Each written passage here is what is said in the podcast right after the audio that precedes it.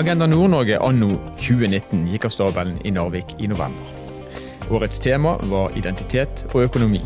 Foredragene fra årets Agenda Nord-Norge de har blitt delt opp i passelige bolker. Så du kan eh, høre ett foredrag hvis du vil, eller du kan høre alle. Du lytter på Nord-Norge i verden. Mitt navn er Stein Vidar Loftaas. Og med det så setter jeg over til eh, konferansieren, som var Frank Jørstad.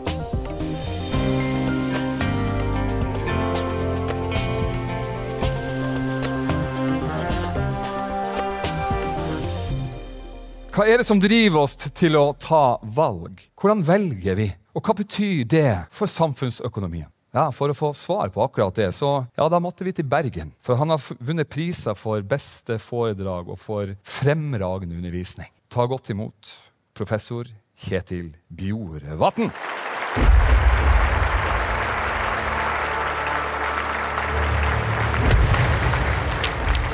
Tusen takk for det. Uh, valg, gode og dårlige. Jeg kommer fra Bergen, uh, selv om dialekten ikke tilsier det. Jeg har en fortid også fra Tromsø, så det er sagt.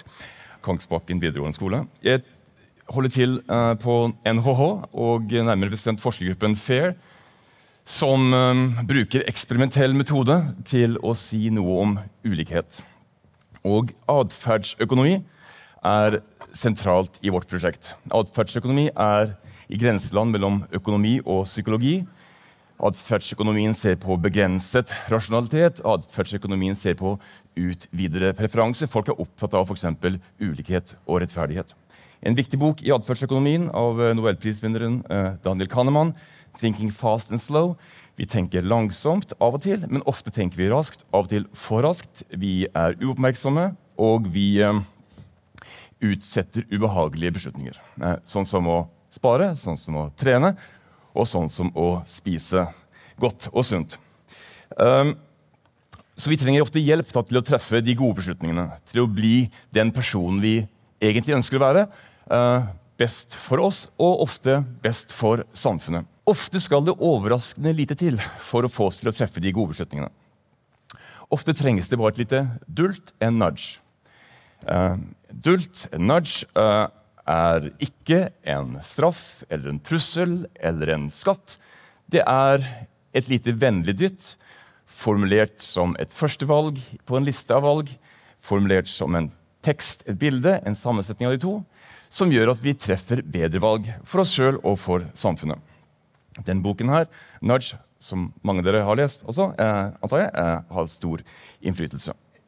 Min favorittnudge er denne. Og vi er på flyplassen, vi er på Schiphol. Der slet de stort med at det var mye uh, det var rett og slett eh, mye rot og, og på herretoalettet, uh, og vi traff rett og slett ikke blinken. Så det man gjorde der, var å klistre på en flue på pissoaret, og vips, så klarte man altså å styre atferd i ønsket retning. Og renholdsutgiftene gikk ned med 20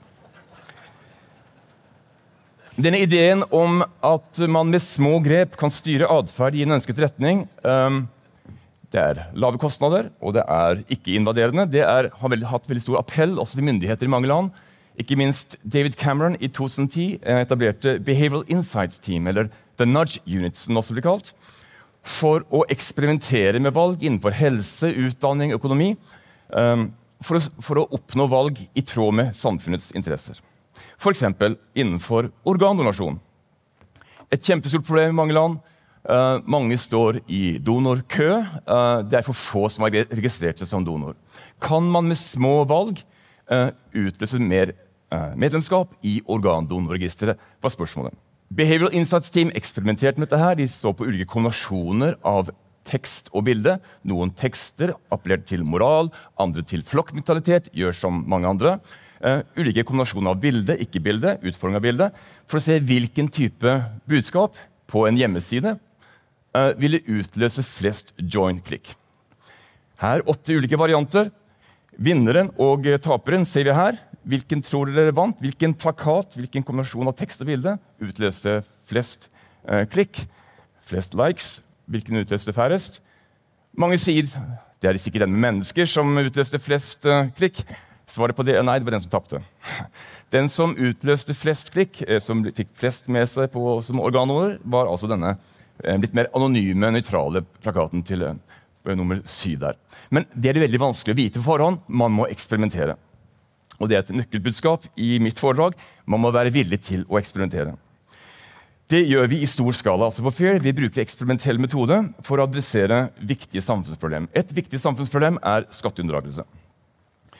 Vi inngikk et samarbeid med skattemyndighetene eh, som eh, hadde informasjon om nordmenn med inntekt i utlandet. Denne inntekten skal innrapporteres, eh, men blir ikke alltid innrapportert. Nå kan jo skattemyndighetene bruke en hard hånd og gå etter disse skatteunndragerne med, med, med rettslige eh, virkemidler, men det er jo kostbart. Så spørsmålet er kan man med små virkemidler, med en nudge, utløse skattepengene. Og eh, vi tok den utfordringen. 18 000 skattebetalere ble delt inn i fire grupper. Én gruppe ble tilfeldig valgt til å være en kontrollgruppe. De rørte vi ikke. Én gruppe fikk et brev med informasjon om skatteregler. Og så, interessant, én gruppe fikk informasjonsbrevet, men med en setning eller to med et moralsk budskap. En setning eller to på et brev. Det er viktig å betale skatt, det går til gode formål. En fjerde gruppe fikk et budskap som handlet om overvåking og mulighet for straff. Skattemyndighetene blir stadig mer informert. Det er faktisk straffbart å ikke innrapportere inntekt opptjent i utlandet. Og så ser vi da på skattemeldingen året etterpå. Er det en forskjell mellom disse fire gruppene i hvor mye inntekt som faktisk er innrapportert? Og svaret på det er ja. En stor forskjell. Kontrollgruppen rapporterer inn så mye, så regelen viser hvor mye kontrollgruppen gjennomsnitt rapporterte inn. Bare, denne base det er bare selve brevet. Det å få et brev fra skattemyndighetene kan jo sånn sett være litt uh, skremmende. Men merk dere forskjellen mellom basen og disse to uh, nudgene. Både denne moralske appellen og denne detection, denne uh, straffeappellen.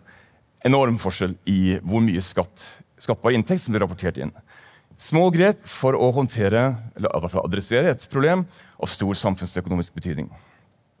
Man kan jo være bekymret nå for hvordan står det egentlig til med moralen i vårt land, når så mange er villige til å underrapportere inntekt i utlandet. Hva om jeg glemmer min lommebok på stolen her? Vil den da uh, bli, komme tilbake inn til meg? Vel, for eksempel, uh, forskere har sett på det. Nemlig 17 000 lommebøker ble gjenglemt i 40 land. 400 byer nesten. Og spørsmålet var hvor mange lommebøker ble returnert til eieren. I lommeboken var det en e-postadresse hvor da finneren skulle rapportere den tapte lommeboken. Eh, noen lommebøker hadde penger, andre ikke. og Her skjer resultatet publisert i år i et tidsskrift Science. Og Norge havner veldig godt. Der vi, Ca. 80% av lommebøkene eh, i Norge blir, blir uh, returnert til eieren. Eh, på andreplass bak Sveits. Eh, USA bare halvparten av lommebøkene dukket opp igjen, og i noen bare sånn 10-15 så det står altså ikke så verst til med ærlighet i Norge. Og det er jo utrolig viktig. Det er utrolig viktig for et lands økonomi at vi kan stole på hverandre. Tillit er, er gull for økonomien. Jernmalm, skulle man kanskje si i, i, denne konteksten her. Men det er en ekstremt viktig ressurs for, for et land at folk stoler på hverandre. Kan tillit til hverandre. Se på den plansjen her. Norge igjen høyt oppe både på, både på tillit og på, på, verdiskapning. Det er høy tillit. 75% av befolkningen sier at folk flest er til å stole på. Og det er høy inntekt. Og i land hvor folk gir uttrykk for høy tillit, så er det også høy verdiskapning. Med tillit så slipper man mye kontroll, og kontroll er kostbart. Det ser ut til å være veldig positivt for økonomien. Et interessant spørsmål som man kan stille seg er det å vise tillit, kan det utløse ærlighet? Vel, Vi så på akkurat det spørsmålet. Vi så på det eh, i samarbeid med Norstat. Vi sendte ut en spørreundersøkelse til 1600 representative eh, mennesker i, i, Norge for å stille spørsmålet eh, hvor mye uærlighet finnes der ute. Kan tillit være et virkemiddel for å redusere uærlighet? I en setting hvor det er helt umulig å kontrollere eh, juks eller ikke juks. Dette er det vi gjorde. Vi viste disse deltakerne, 1600 deltakerne en plakat hvor vi sa at ok, på neste plakat vil det komme en terningskast. Utfallet er helt tilfeldig, og du kan vinne 1000 kroner hvis du gjetter rett. Ok? Gjett nå. Tenk på et tall fra 1 til 6. Husk det tallet, og så triller vi terning. Ok? Tenk på et tall. Det er deg og datamaskinen. Det er helt anonymt. Tenk på et tall. Jeg tenkte på fire. Og så kom neste plakat, og så triller vi terningen, og terningen ble fem, f.eks. Uh, ok, og så nøkkelplakaten. Hva ble tallet? Ok, tallet ble fem. Og så nøkkelspørsmålet. Var det dette tallet du hadde gjettet på på forhånd? Ah, ja, det var nok det. ikke sant? Hvor mange gjettet fem? Akkurat Hvis alle hendene kom i været, så blir jeg litt urolig. Men noen, ca. én av seks, burde ha gjettet rett. Så hvis det er én av seks, altså 16 som gjetter, som gjetter og rett, og bare det, så har vi maks ærlighet. Får vi alle hendene i været, så begynner vi å bli litt urolig. Da er det maks uærlighet. Hvor mange tror dere gjettet uh, rett? 40 Påstår de. Men det er klart at uh, der er det jo uh, eh, 25% en fjerdedel, som har jukset.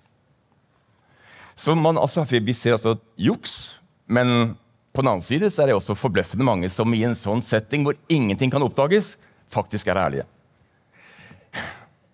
Men tillit. Vi viste noen tilfeldig denne plakaten her. Vi stoler på deg.